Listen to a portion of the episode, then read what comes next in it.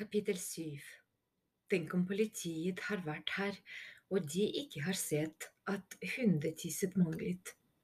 For sikkerhets skyld tar hun et bilde til og skriver bevis fem, siden Egil har to bilder av Steiner Breiflapp med W på siden som er bevis tre og fire. Hvis det begynner å regne eller snø masse, vil beviset kunne ødelegges. Såpass er sikkert. Kanskje vi bør gå til politiet og si fra. Pappa ville helt sikkert sagt ja til den tanken, og etterpå ville han be dem holde seg unna. Problemet er bare at han ikke har det minste lyst til å holde seg unna. Hvor bor han journalisten, spør hun, han som Line kjenner. Etter en rask Google-søk finner de adressen. Ivar bor bak Corner Hotel, sier Egil, som ligger på veien hjem. Ivar ser temmelig overrasket ut da han åpner. Håret som var skjult bak lue og hette der de traff ham på brygga sist, henger ned på skuldrene. Han har en måne på toppen av hodet og en tatovering på halsen som delvis er skjult bak skjortekragen. Han gjesper og ser ut som om han har sovet med klærne på, for skjorta er både krøllete og flekkete. Dessuten har han så dårlig ånde at det kjennes helt bort til der de står. Hva skjer? spør han. Jeg regner med at dere ikke er kommet hit for å ønske meg god jul? Han er ikke så verst blid, det kunne vært verre. Astrid kjenner at pulsen slår litt hardere, det er jo ikke sikkert at han vil like det han skal si, men nå er det ingen vei utenom. Vi bare lurte på hvem som ringte deg om malingen på bysten, sier hun. Ivar ler. Dere er nok for små til å ha hørt om kildevern, skjønner jeg. Vi er store nok til å forstå litt av hvert, sier Egil. Som hva da? Ivar legger armene over kors og lener seg inn til dørkarmen. Astrid kikker forbi ham. Det ser ikke ut som han har pyntet til jul. Forrett innenfor gangen ligger stua og der står det tomme ølbokser på bordet, og tre grandiose kartonger ligger på gulsteppet. Det er ikke en eneste juleduk eller julenisse på bordet eller vinduet. Det ser trist ut, tenker Astrid idet en katt smetter forbi ham på kalde poter og forsvinner innover i varmen. Vi trenger ikke navnet hans, sier Astrid. Hvordan vet du at det er en mann, spør Ivar. Jeg har ikke sagt noe om det til dere. Det står i avisa, sier Astrid og smiler bredt. Han ler igjen. Denne gangen er latteren mer ekte, nesten som han syns dette besøket er litt ertig. Var han ung eller gammel, spør hun. Det vet jeg faktisk ikke, svarer Ivar. Greia er at han som ringte inn, presenterte seg ikke, han ville være anonym.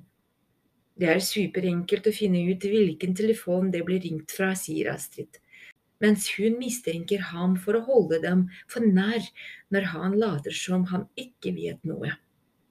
Hun vet ingenting hva kildevern er, for det ligner litt på taushetsplikt som pappa har snakket masse om. Det er når du får vite noe, men ikke har lov til å si det videre. Og Iver har tydeligvis ikke tenkt å fortelle noe særlig, og da bør det være fordi han ikke har lov, og ikke fordi han syns de er små og dumme. Mens tankene snurrer i hodet og Iver ser ut til å bli både kald og litt utålmodig, slår det henne at mamma ville vist hva hun skulle sagt. Mamma kan være temmelig frekk. Akkurat da hun tenker på mamma, blinker et lite blått lys over hodet på Iver. Men det vet du kanskje ikke, svarer hun og retter seg opp og håper hun ser litt mammafrekk ut. Det er kjempeenkelt å søke opp på 1881. Jeg vet jo det, forsvarer han seg, men den som ringte, hadde skjult nummer. Ingen av dem sier noe mens den siste opplussingen siger inn. Det hjelper litt å være freidig, men nå vet hun ikke hva mer hun skal si. Var det noe mer dere lurte på? For hvis ikke skal jeg stikke ned på corner og se om Ina kan lage noe julefrokost til meg. Jeg har ikke hatt tid til å kjøpe inn noe mat, så når jeg åpner jeg åpner kjøleskapdøra, er det bare en kald fly der. Har du fly i kjøleskapet? spør Emma og ser oppriktig sjokkert ut. Ivar ler igjen. Nei da, det var bare et forsøk på å si at det er helt tomt. Bare én ting til, sier Astrid og stirrer rett på ham. Hvis vi klarer å løse mysteriet, klarer du å overtale foreldrene våre til at det kommer bilde av oss i avisa?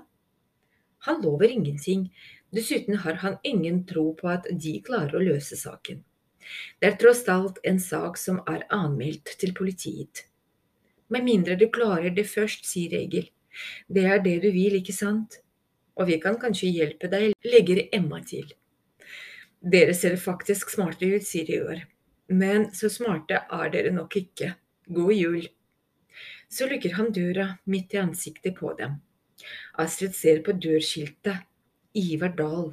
Skiltet er av keramikk og forestiller en sort og hvit katt, maken til det som smatt inn.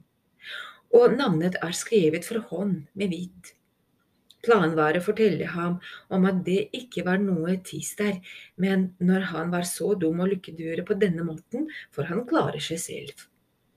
Nå må vi snakke med Yusuf, sier Astrid, men før vi ringer ham, må vi organisere et etterforskningskommandorom i tårnet. Har dere penner, papir og tegnestifter? Tårnværelset er virkelig den perfekte detektivposten. Her kan de se utover sjøen mens de grubler, men best av alt er at det ikke er mulig for de voksne å liste seg opp uten at de hører at noen kommer. Emma tar med noen bøker opp, sånn at hvis de hører skritt i trappa, kan de late som om de sitter og leser. De tar med seg alle putene som vanligvis ligger i senga som Astrid bruker. Astrid tar jobben med å flytte de tre stolene ned på loftet, og da den siste er nede, dras hun mot skissen med alle hemmelighetene i. Hun lister seg bort og vrir om den store nøkkelen. Bildene ligger akkurat som sist, med bilde av Søs og faren til Egil og Emma i den ene bunken og dobbeltbilde av Line nederst i den andre. Det er som om det skjuler seg noe hemmelig som ikke hadde trengt å være hemmelig, hvisker hun lavt til seg selv. Kanskje Emma ville blitt glad igjen om jeg finner ut hva dette er. Hva ser du etter? Hun skvetter høyt.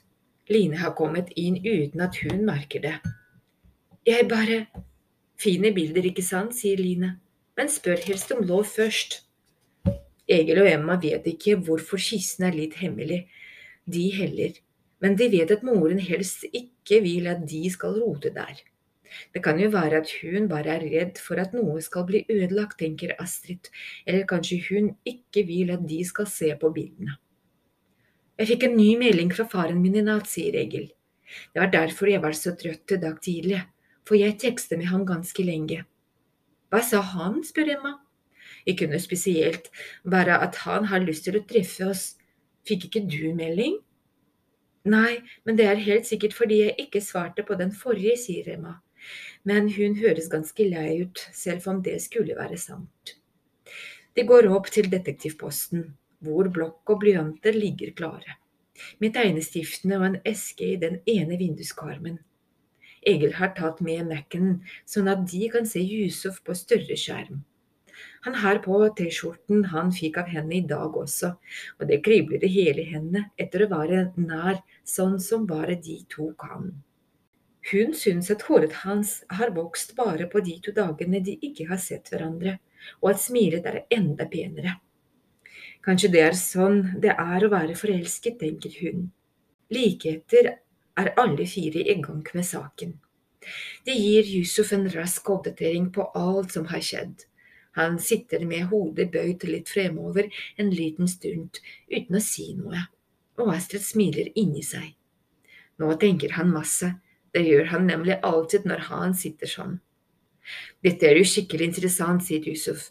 Han som ringte ville at taggen skulle bli sett, mens han selv ville ikke bli identifisert og det kan bety at det var gjerningsmannen selv som ringte til Ivar, sier Egil.